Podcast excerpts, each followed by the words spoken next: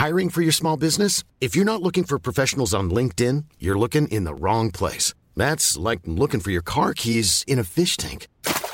LinkedIn helps you hire professionals you can't find anywhere else, even those who aren't actively searching for a new job but might be open to the perfect role. In a given month, over 70% of LinkedIn users don't even visit other leading job sites. So start looking in the right place. With LinkedIn, you can hire professionals like a professional. Post your free job on linkedin.com slash people today. There's never been a faster or easier way to start your weight loss journey than with PlushCare. PlushCare accepts most insurance plans and gives you online access to board-certified physicians who can prescribe FDA-approved weight loss medications like Wigovi and Zepbound for those who qualify. Take charge of your health and speak with a board-certified physician about a weight loss plan that's right for you. Get started today at plushcare.com slash weight loss. That's plushcare.com slash weight loss. plushcare.com slash weight loss.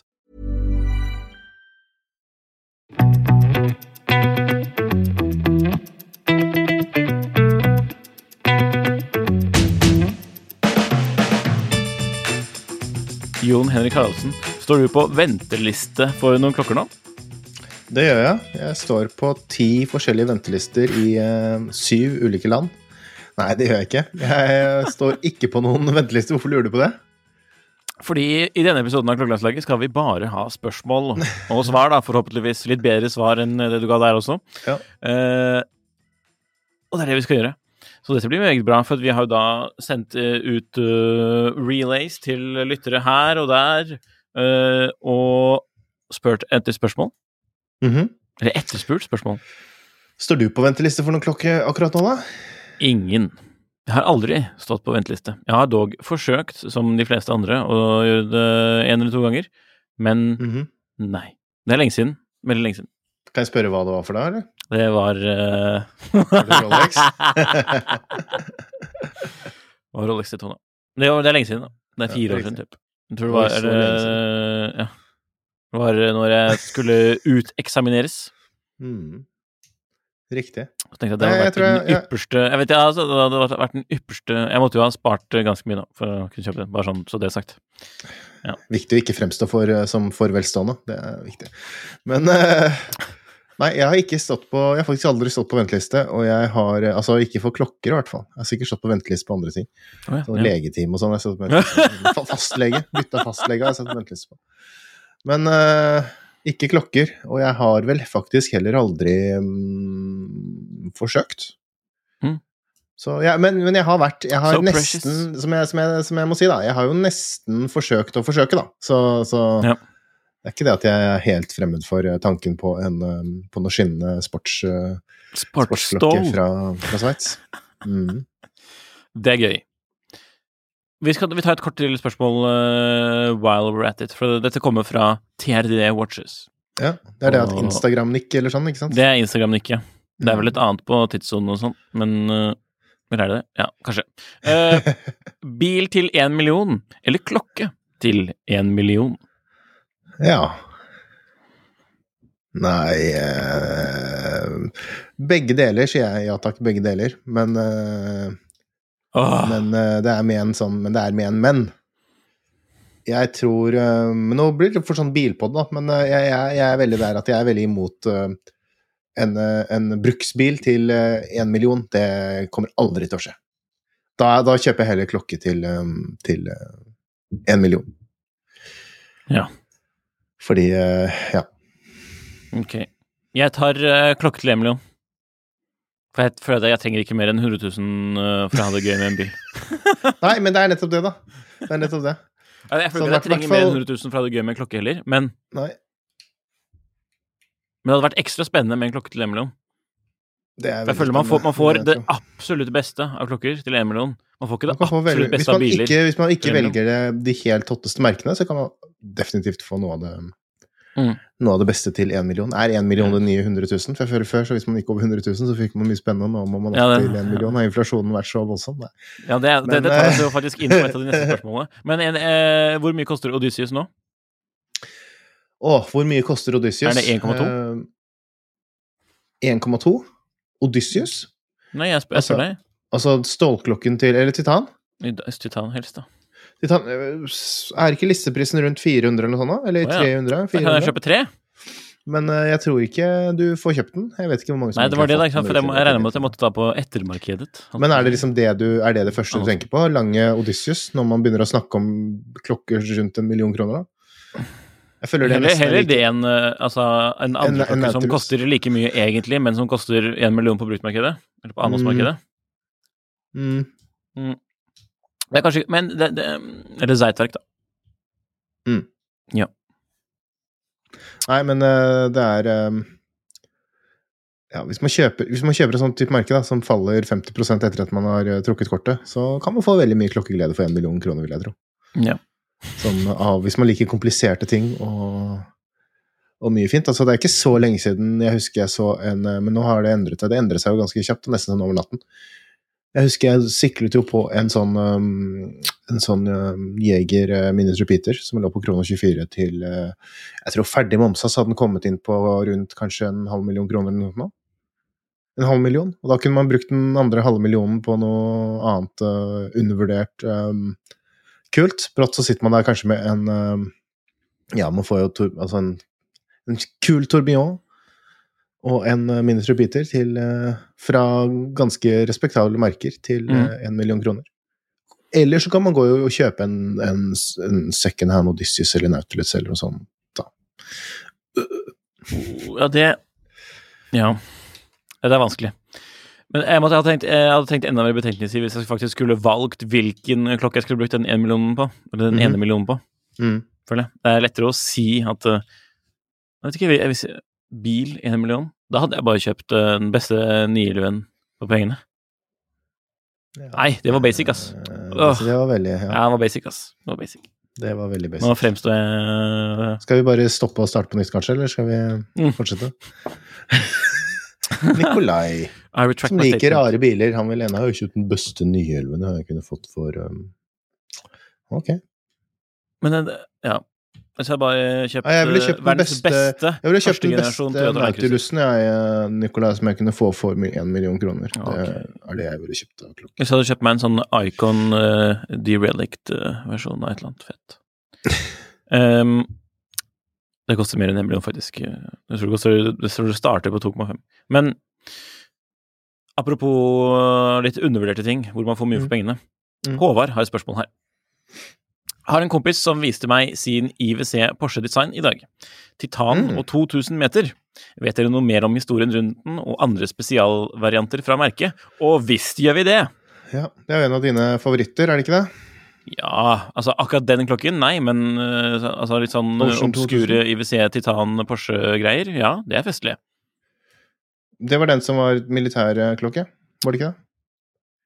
Ja, den kom både sivil og militær versjon, ja. Riktig. Det var jo sånne Kampschwimmers som brukte den. Dette var på 70-tallet, bare sånn til info, ikke tidligere. um, først litt om Porsche-design, tenker jeg. Fordi det ble jo startet av Ferdinand Porsche, som designet den nettopp nevnte bilen, 911. Ja. Og på 70-tallet så ble jo hadde jo Porsche, eller styret eller noe sånt, hadde bestemt seg for at nei, nå må vi få ut alle familiemedlemmene fra managementstillingene, i hvert fall de øverste managementstillingene. Og da ble han liksom mm, Jeg vet ikke om man skal si tvunget ut, men han, hvert fall, han fant på noe annet, da. Så han startet da Porsche Design. Og de designet sin første klokke i 1972, og så kom den i butikkene i 1973, slik jeg har forstått det. Og da var jo det den derre kronografen som mange ser for seg når de tenker på IWC-design, hvert fall Nei, IWC, Porsche design klokke. I hvert fall jeg. Mm. Men da var det jo Orfine som eh, produserte den. Mm. Så tror jeg det var med Jeg husker hvilket urverk det var i den, men uh, Er vi over i den der topp... Er vi ikke da over i den eh, Top Gun uh, Nei.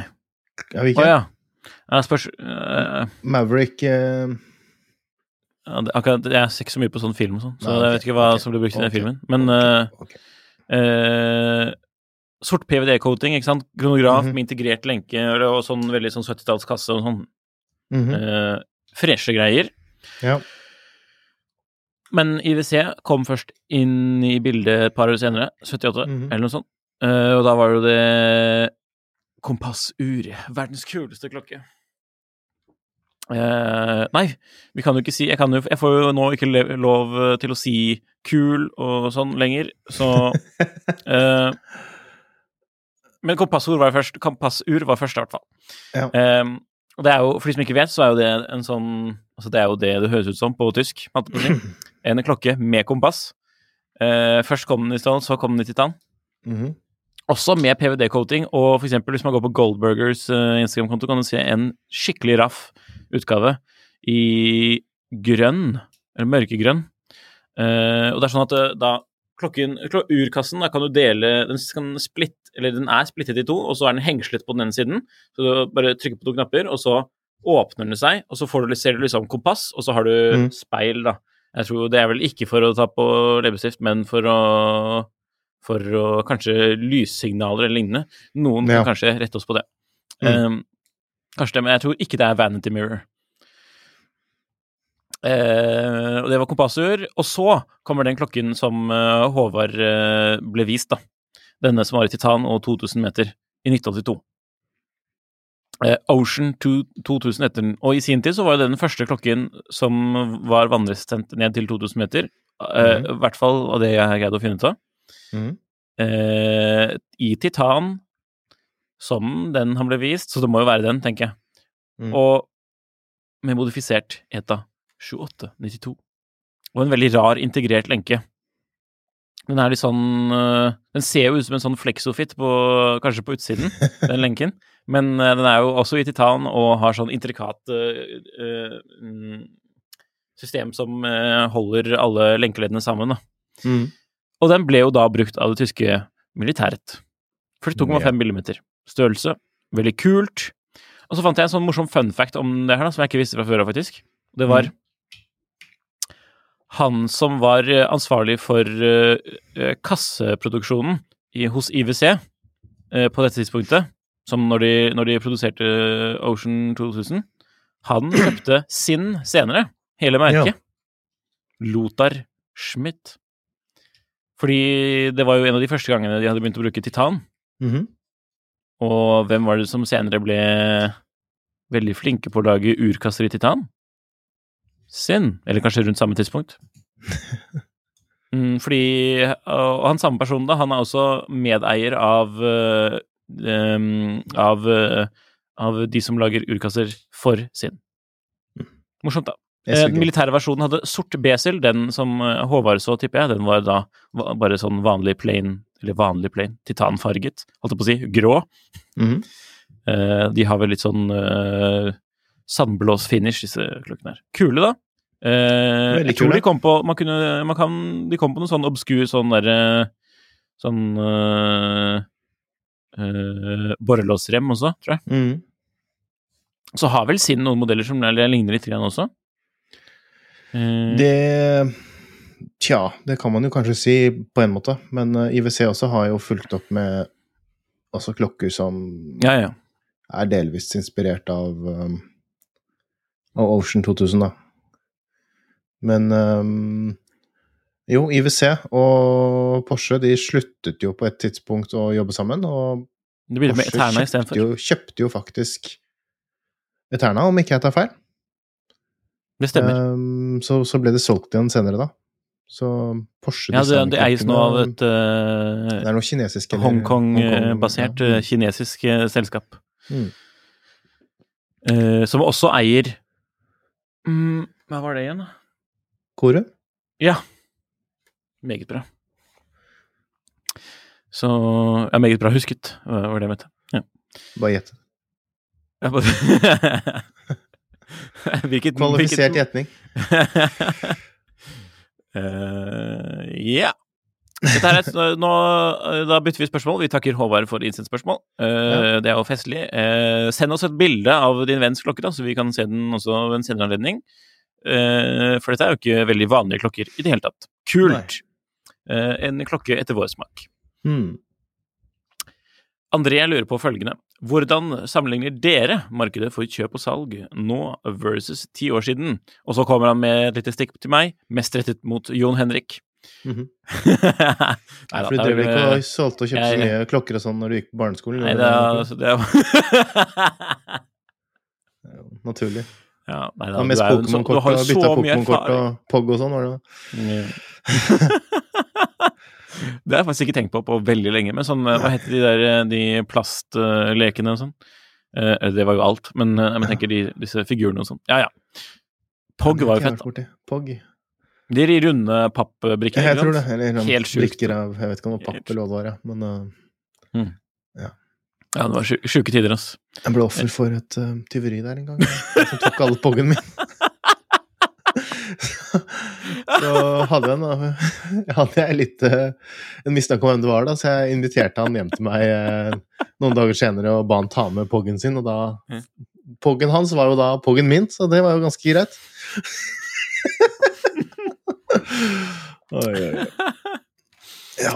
Ja. Nei, markedet. Ja. Eh, André lurer. og så nå må jeg bare tenke litt her, fordi det er jo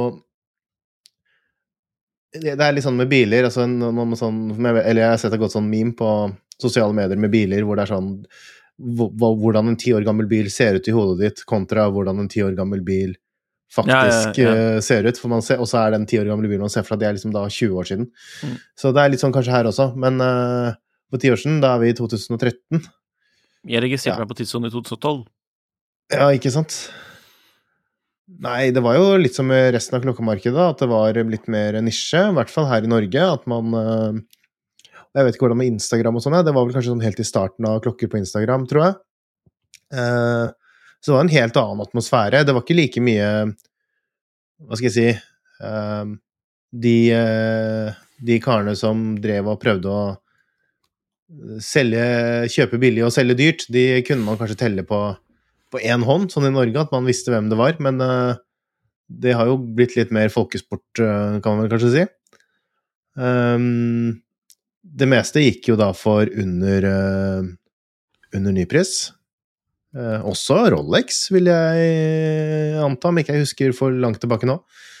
Så det var jo det var en ganske annen dynamikk sånn i markedet generelt, og ting lå jo ofte mye, mye lenger ute til salgs når man skulle selge noe.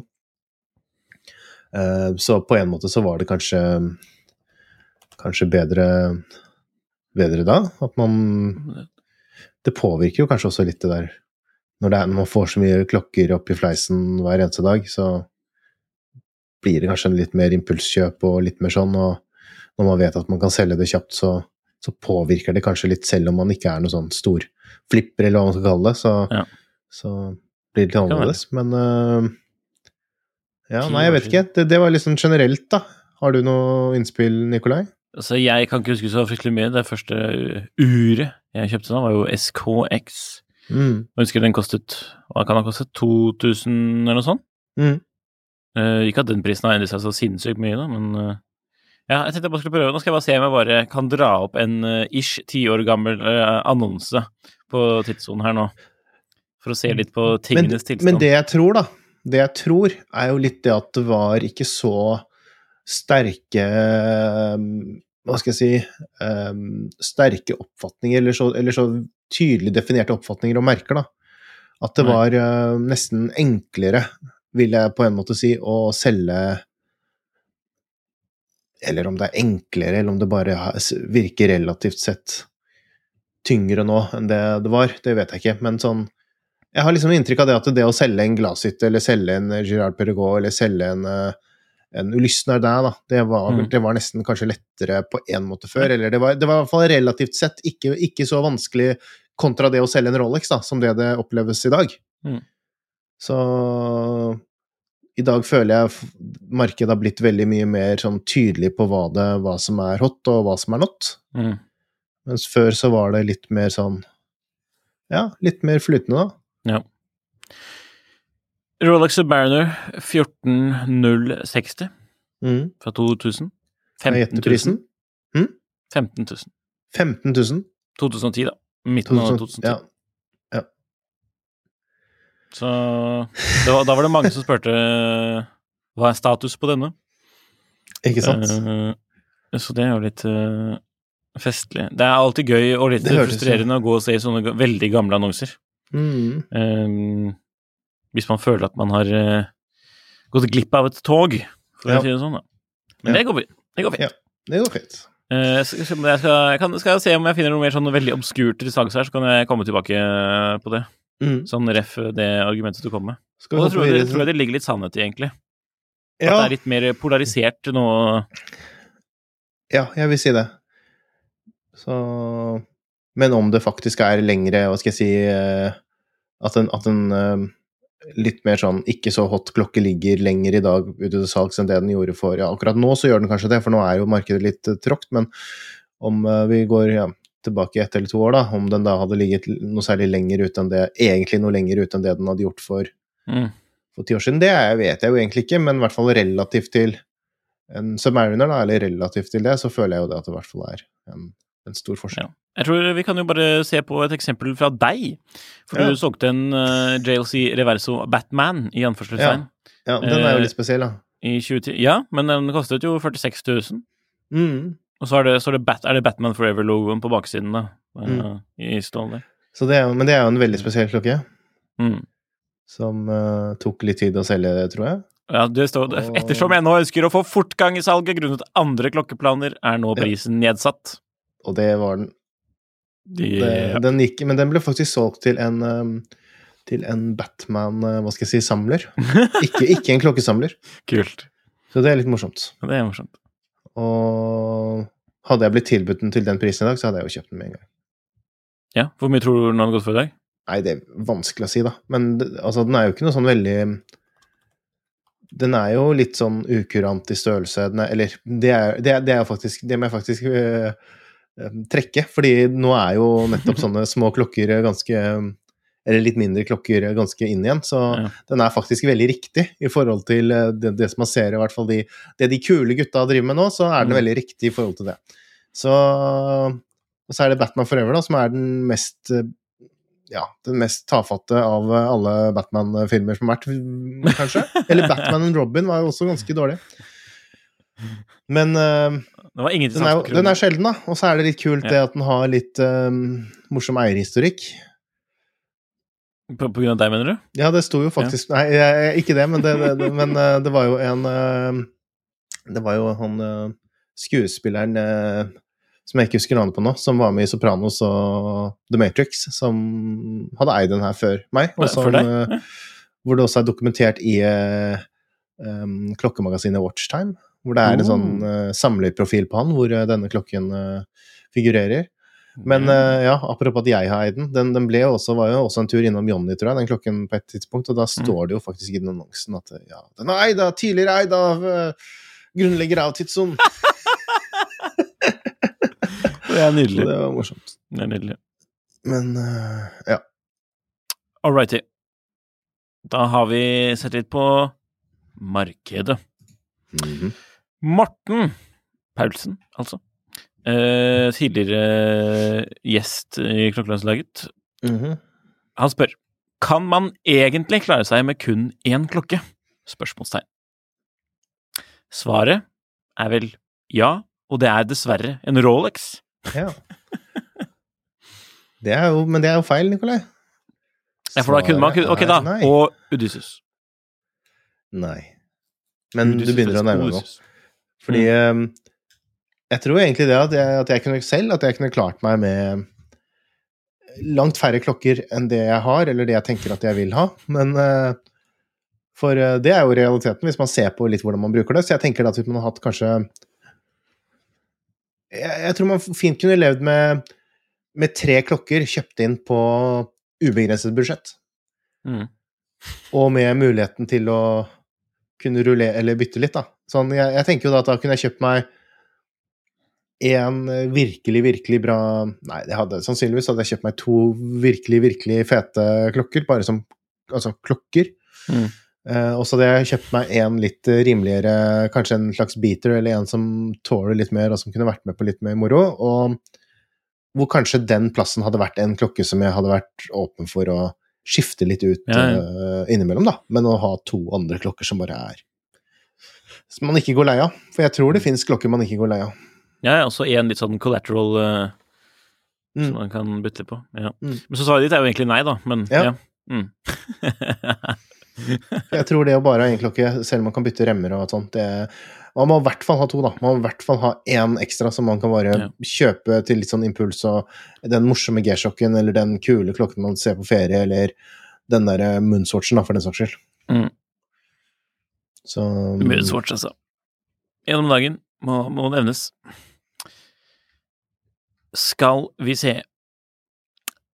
Thomas, han lurer på, og det er altså Cappelen Malling mm. uh, fra radio. Han lurer på var Submariner først ute med den looken, eller har Rolex kopiert andre? Og da tenker Jon han på Henrik. den dykker... Uh, dykkerlooken, ikke sant? Eh, ja. Eh, men jeg, må, det må jo, må, må, jo anta det. I hvert fall det slik jeg tolket det. Og svaret er jo Åh, det er et langt svar. For dette er jo den evige diskusjonen som man egentlig har fasit på. Men på Ja. hvem var den første som kom med den moderne dykkerklokken med roterende og- besel? Og da er jo svaret blank på Som teknisk sett var first to market. I hvert fall først til å vise fram Mhm. Sin klokke i 1933. Submariner kommer jo i samme år, men litt senere. Og det samme gjorde Zodiac. Mm. Eh, alle hadde denne rotere, rotere, roter ND, beselen, og vannresistensen som var adekvat for datidens strabase, undersjøiske Mm. ferder. Mm. Eh, og så kan man jo alltids argumentere med at å, det var jo Omega som var den første dykkerklokken, for det var den der obskure, firkanta greia med to kasser eh, som angivelig da falt nedi Lake Geneva og var like tett etterpå, eller noe sånt. Eh, og så hadde jo Rolex roterbar besel på 30-tallet en sånn veldig obskur zero graph-kronograf som de hadde. Eh, man kjenner den hvis man googler det, så har, alle har sett den før, men det er litt vanskelig å forklare den. Og så er jo, det- men så er jo dette her også da Dette her er jo da, hva skal jeg si, eh, vinnerne. Ja, Hva med merker som ikke er på radaren i dag? Det er synd trist leit, altså. Jeg kjenner ikke klokkene fra den tiden så godt at jeg kan si med sikkerhet hvem som var først. Og jeg, jeg tenker egentlig at det er ofte litt overfokus på hvem som var først. Også, Mm. og det er jo noe Man spiller jo veldig litt sånn opp det, Altså, man um, Ja, det er jo noe som klokkemerkene er veldig fan av å bruke, da, som et argument. Vi var først. Mm. Ja vel, så du var først, eller den du har oppkalt selskapet ditt som du startet på 90-tallet, den du oppkalte selskapet ditt etter, var kanskje først da, i den verden i, for 150 år siden hvor, hvor ingen um, Hvor det kunne sitte en eller annen dude oppi en eller annen hytte og gjøre akkurat det samme, men hvem vet hvem som egentlig var først, ikke sant? Og så skal du skryte at det er det, at derfor skal vi kjøpe klokken din i dag, fordi du har oppkalt den etter en dude som kanskje var først i å gjøre et eller annet altså. Det er jo ingen tvil om det at det er Rolex som har virkelig, hva skal jeg si, fått eierskap til den um, Selv om også Blampin har kommet nå eh, hadde, en, hadde en periode og har kommet igjen nå i de senere årene, så eh, vil jeg jo si at det er jo Rolex som man forbinder med det, uansett om de var først eller eh, teknisk sett var først eller ikke. Mm. Og at det er de som også fortjener æren for å ha gjort det til det det er, i forhold til det at alle kopierer det, og alle alle det, det, det, har jo virkelig blitt en egen, hva skal jeg si, en egen um, sjanger. Når man snakker om dykkerklokker nå, så er det jo som regel uh, det formatet man sikter til, ikke til en tuna can eller en, uh, en sånn mer uh, skin diver eller noe sånt, ikke sant? Men sånn skulle det jo ikke vært. Men det er en annen diskusjon. nei, nei, men nå snakker vi om hvordan det er, da. Ja. Um, så jeg, jeg, jeg tenker det at jeg vil gi en sånn vri på det spørsmålet. At jeg tenker at vi skal prøve å kanskje slutte å være så opptatt av hvem som var først i alt, fordi det er Dette er jo, høres jo veldig dårlig ut for Omega Speedmaster. Ja, ja, ja. Men altså, det, det Og det ja. mm. Jeg er jo ikke så fryktelig fan av jeg, Men jeg er jo heller ikke så veldig fan av det der argumentet at man skal ha en speedmaster bare fordi det var den første klokken på månen og, og den, den biten der, da. Det er jo, jeg mener jo det er en helt teit sånn Hvis ikke man er helt sånn superfrelst uh, romnerd, så for, forstår jeg ikke helt det der argumentet hvorfor jeg skal gå rundt og bry meg om hva en eller annen amerikaner hadde på seg når han trampet rundt oppå månen. Sier mannen Så- som hadde Batman-klokke. Um, Ja, men Batman hadde jo ikke på seg den, da. nei, for han er jo, det er jo ikke en ordentlig person engang. Nei.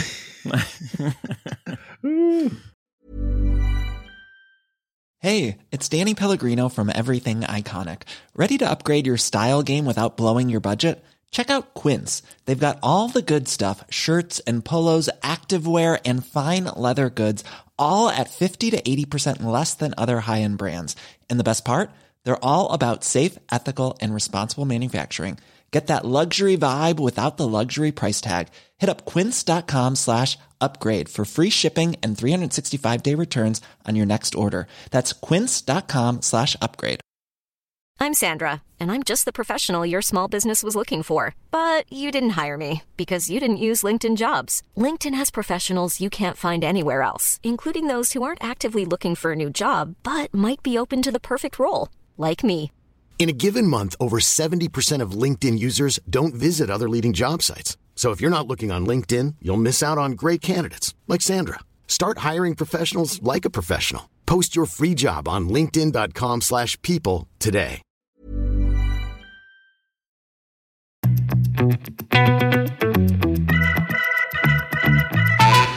Nytt spørsmål fra TRD Watches. Han har eh, stilt mange spørsmål, og det takker vi for. Hvilken klokke kunne du aldri gått med på armen eller hånden? Beklager. Da kan du starte, så må jeg tenke litt. Ja, jeg ville aldri gått med klokke som lekker radium. Det, ja. Det er en Det er godt um, Det er et smart um, Så det er egentlig svaret mitt, men sånn aldri gått med på armen. Kanskje en Ja. klokke som hadde vært veldig eh,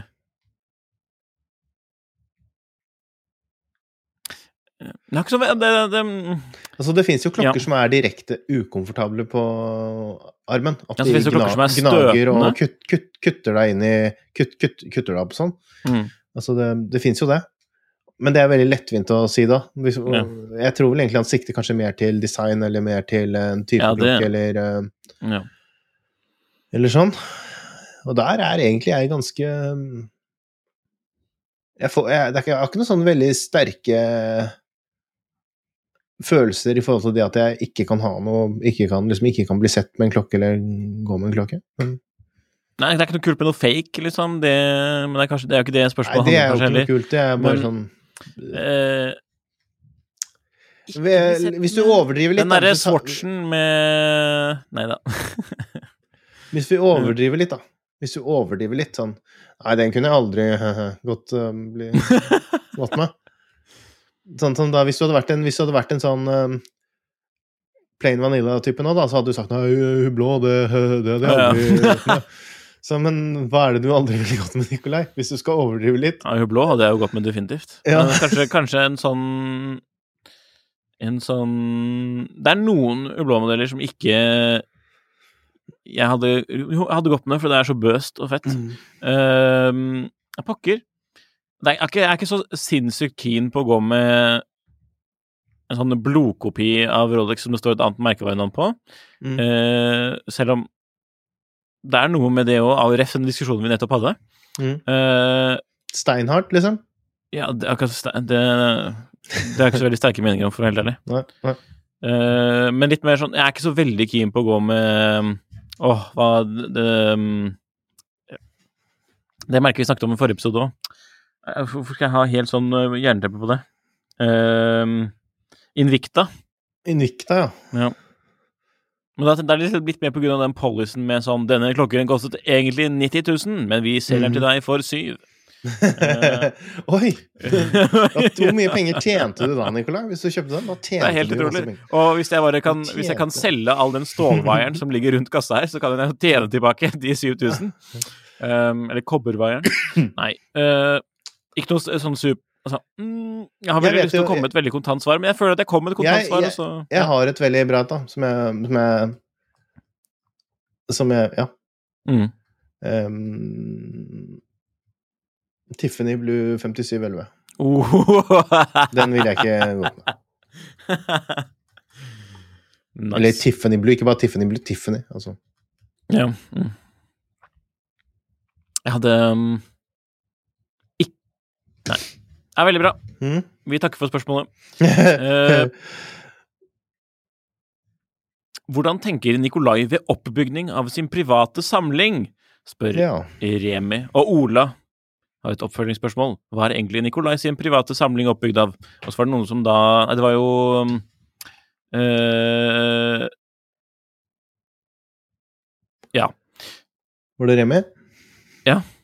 Og Ola. Og det kan du enkelt, enkelt svare på ved å ramse opp hva samlingen består av. Det kan man enkelt finne, også, ut, finne ut av ved å bare se på hva du har tenkt? Ja. Og så Jeg har ikke tenkt noe særlig. Jeg bare kjøper det jeg liker. Mm har jeg har jo denne dobbeltkronografen som jeg har på meg i dag også. Mhm. Og så har jeg en Sacco 1605-8110, denne Captain Willard, men originalen i originalforfatning. uh, uten Med noen sånne aftermarket-deler. Ja. Og uoriginalt glass, da. Mm, Ja. Replacement. Men jeg har et gammelt glass. Ja. Eh, og så en SGX. Så har jeg en Mhm. Longin fra 40-tallet. Og så har jeg denne Omegaen fra 50-tallet, som var bestefar sin. Og så en slump med G-Shocks. Så en Helson Spear Diver, faktisk. Den har jeg aldri gått med i poden. Men den har jeg ikke brukt siden militæret, men den bare har jeg tatt vare på sånn, bare fordi det var den. Ja. Er det det du blir minnet av den traumatiske militæropplevelsen? Og Det gå i fuktig, fuktig, fuktig tøy og litt sånn. Jeg hadde det helt ypperlig der, så det var ikke noe, ingen, ingen eh, farlige ting. Men uh, den brukte jeg på TS-Nato, faktisk. mm. Altså denne Norges Nei, den sier du skal ta på igjen i en annen, Det kan kunne jeg gjøre. Men så det er altså ikke noe er, Du har altså ikke noen sånne veldige retningslinjer eller um, veldig Nei, og akkurat nå har jeg veldig lyst til å, å, å bruke en 70-talls diver som sommerklokke. Altså ta service på den, bytte pakninger, og så bare bade med den som det var uh, ingen i morgen, eller hva man sier, no tomorrow. Ingen i morgen. Ja, du verden. Og jeg har jo den, eh, Ja, jeg, jeg tror jeg må Jeg har en sånn uh, gammel Finn-annonse lagret som har utgått, som jeg kanskje må legge inn et bud på. En Certina. Mm. Den er fet. Ja. Kjøp den. Kjøp den. Lurer på det. Men sånn, uh, med sånn direction Jeg tenker, jeg kjøper sånn uh, det uh, Jeg kjøper det som Jon Henrik kjøper. Mm. Det som er igjen. Det som er igjen. Restene. Nei Men jeg tenker Det, det, det er Det er jo sinnssykt basic å si, da, men kjøpe det man liker. Og Ja. Viktigst av alt, jeg kjøper det jeg har råd til. Og det er ikke så veldig mye, for å være helt ærlig. Ja. Ja. Så mm, ja. Jeg kjøper det jeg liker. Og det viktigste er, i hvert fall det jeg har lært i det siste, er at jeg syns jeg Jeg foretrekker å kjøpe av folk jeg kjenner, Mm. og at jeg kjøper det beste eksemplaret jeg får til med de pengene jeg har. Og hvis jeg, ikke, hvis jeg bare får tak i den verste subben med de Mm. pengene jeg har, da kjøper jeg heller det beste av noe annet som er billig. Ja. Det tenker jeg. Det er øh, Ja. Det, det, å følge bare de to enkle reglene der, Mhm. det har øh, gjort uh, sånn øh, samling og Eller kjøp og salg og klokke, klokkeinteressen for meg sinnssykt mye bedre. Mm. Yes. Uh, hvor det nå- vrient er det Jeg håper å si, er det nå jeg kan uh, Skal du liste Å oh, ja, noe Jon Henrik har nytt ur, for nytt han ur. viser den frem nå. Apropos det å kjøpe ting man bare syns er kult. Ja. Gerald denne- Genta. Jeg fikk denne inn døren uh, Er det en uh. Audemars Piguet? Det er en Audemar. Ja. Men det, det vi er ser på en, nå, er jo en Gerald Genta med diamanter. Fortell hva du ser, da, Nicolai. Jeg ser en lytter. retrograde. Jeg ser stor dato. Jeg ser diamanter på Dato? dørkassen. Nei, jeg kødda. kødda. Jeg sa jo nettopp, sa jo nettopp hva jeg mente.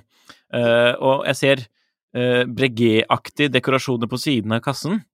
Og Coinage. coinage. Og en eh, skikkelig gummilenke som Mm. Ja. man muligens kan finne eh, noe som ser kulere ut på. Men Ja. passer den lenka der, eller? Eller altså gummiremmen? Gummiremmen passer meg, ja. Ja. Den passer helt perfekt. Og Det er ypperlig. Så, Så du det har altså helt skaffet deg- å En viktig Ja, del av en- klokkehistorien. Ja, det vil jeg vel kanskje ikke si, men uh, en del av klokkehistorien, i hvert fall. Ja. Så dette er jo um, retrograde minutes og jumping hours. Hoppende, ti hoppende timer. Altså sånn timene var i dette datavinduet, eller hva man skal kalle det. Som Ja, hopper sa feil. hver, um, hver time. Og så er det denne minuttviseren som beveger seg som en halvmåne, og så når den kommer til 60, så bare spretter den tilbake, og så hopper timen, eh, timen frem samtidig. Så det er et Veldig retro. Ja, det er veldig, veldig et, et, um, Hva skal man kalle det? En, en sirkusforestilling for Mm. klokkeinteresserte. Er eh, akrobatikk. Fantastisk. Den er jo helt rå, da. um, Veldig kul, veldig undervurdert. Eh, følg med på i Norge, på Finn og auksjoner, og også i utlandet, så er det ganske eh, gode priser for ting som er ganske kult og spesielt, vil jeg si. Og så er det jo, det er jo dette Gerald Genta-navnet, men dette her er jo fra Jeg er litt usikker på når, akkurat når den er fra, men jeg tipper det er sånn litt ut på 2000 en eller annen gang.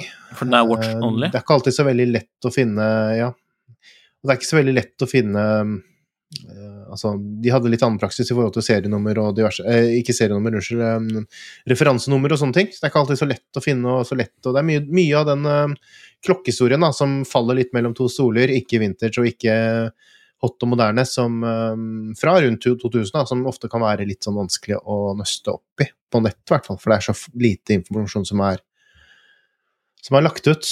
Men uh, jeg tror det er et uh, Jeg har ikke åpnet den, men jeg tror det er et Gérard Perregaux uh, basurverk, og så er det en sånn modul som er vel da eh, proprietær for uh, Gerald Genta, og så ble det vel da laget på, en tid hvor han egentlig ikke var noe involvert, tror jeg, i selskapet i det hele tatt, for det var vel da Bulgari som eh, som eh, eide Gerald Genta-navnet, før de da i 2010 eller noe bestemte seg bare for å nei, vi dropper det helt, og så kjører vi det bare som en underkolleksjon av, av Bulgari.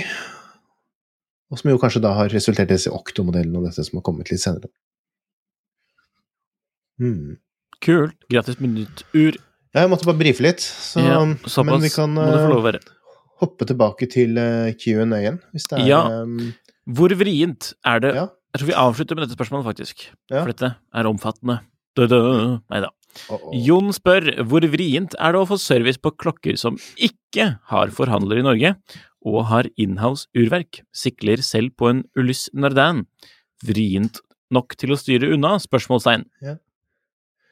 Nei, jeg, jeg, jeg kjenner ikke akkurat til hvordan det er med Ulyss eh, sånn eh, spesifikt, men uh, jeg tenker heller um, det, man, det, det føler man liksom må se litt mer på, kanskje, det er hvor stort um, er klokkemerket, eller hvor, hvor um, eller, eller hva er ståa hos uh, klokkemerket? Mm. For det finnes jo klokkemerker som man vet har, som ligger sånn halvveis uh, nede, eller som nettopp har på en måte blitt gjenopplivet igjen, eller, eller altså Og det kan være forholdsvis små aktører som produserer få klokker. Eh, jeg er mye mer skeptisk til til det, da, sånn i utgangspunktet, enn til et merke som Ulyss, som man vet Man vet hvem som si, driver det, man vet at det er aktivitet, man vet at de har en fabrikk, man vet at de har eh, en serviceavdeling, man vet at ting er sånn I hvert fall tilsynelatende eh, går greit.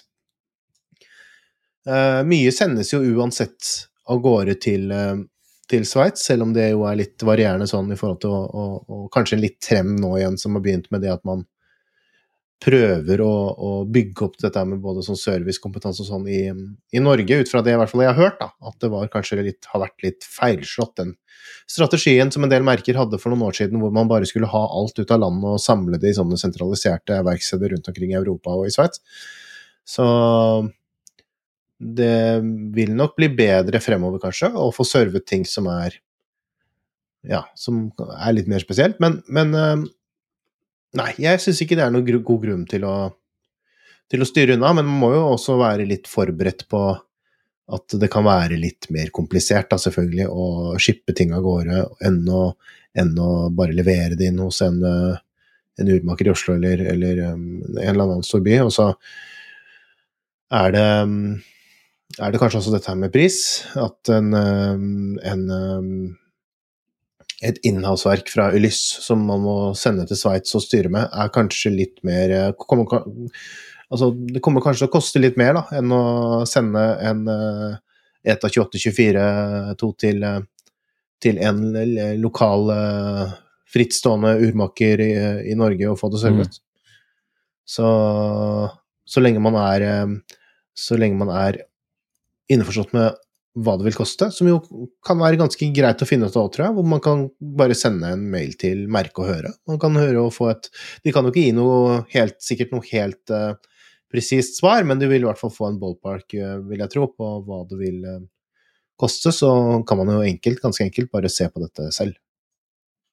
Så Ja, nei, jeg, jeg syns ikke det er så veldig sånn super supervrient. Og så har jo også vi litt den der, i hvert fall sånn tilnærming at hvis det er eh, Hvis ting funker, så så trenger de ikke noe service. Og med det fantastiske spørsmålet og svaret, eh, hvor undertegnede ikke har avbredt, eh, så vil vi takke for at du hører på Klokkelandslaget. Og så kan vi si at det blir litt klokkelandslaginnhold i sommer også, så det er noe å høre på på beachen på Ayanapa. Absolutt. Eh, vi er tilbake neste uke. Jon Henrik og jeg sier takk for at dere lytter på. Hei og hå. Hei, hå.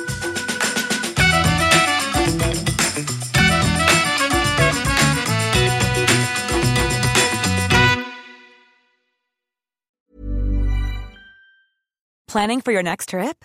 Elevate your travel style with Quince. Quince has all the jet setting essentials you'll want for your next getaway, like European linen, premium luggage options, buttery soft Italian leather bags, and so much more.